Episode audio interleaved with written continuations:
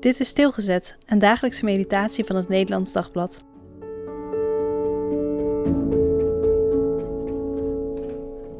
Hoeksteen, Efeziërs 2, vers 20.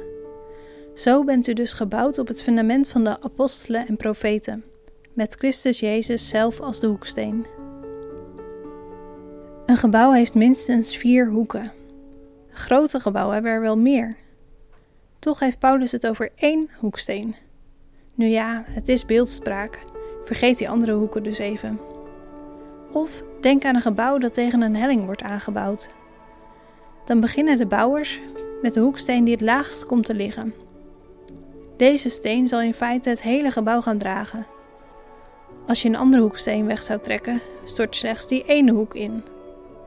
Maar als je de laagste hoeksteen weghaalt, dan zakt het hele gebouw onverbiddelijk scheef. Deze basishoeksteen moet dus een geweldig rotsblok zijn, dat niet van zijn plaats te krijgen is. En inderdaad, zo is Christus. Haal hem weg en de hele gemeente zakt ineen en glijdt de afgrond in. Maar je krijgt hem niet weg.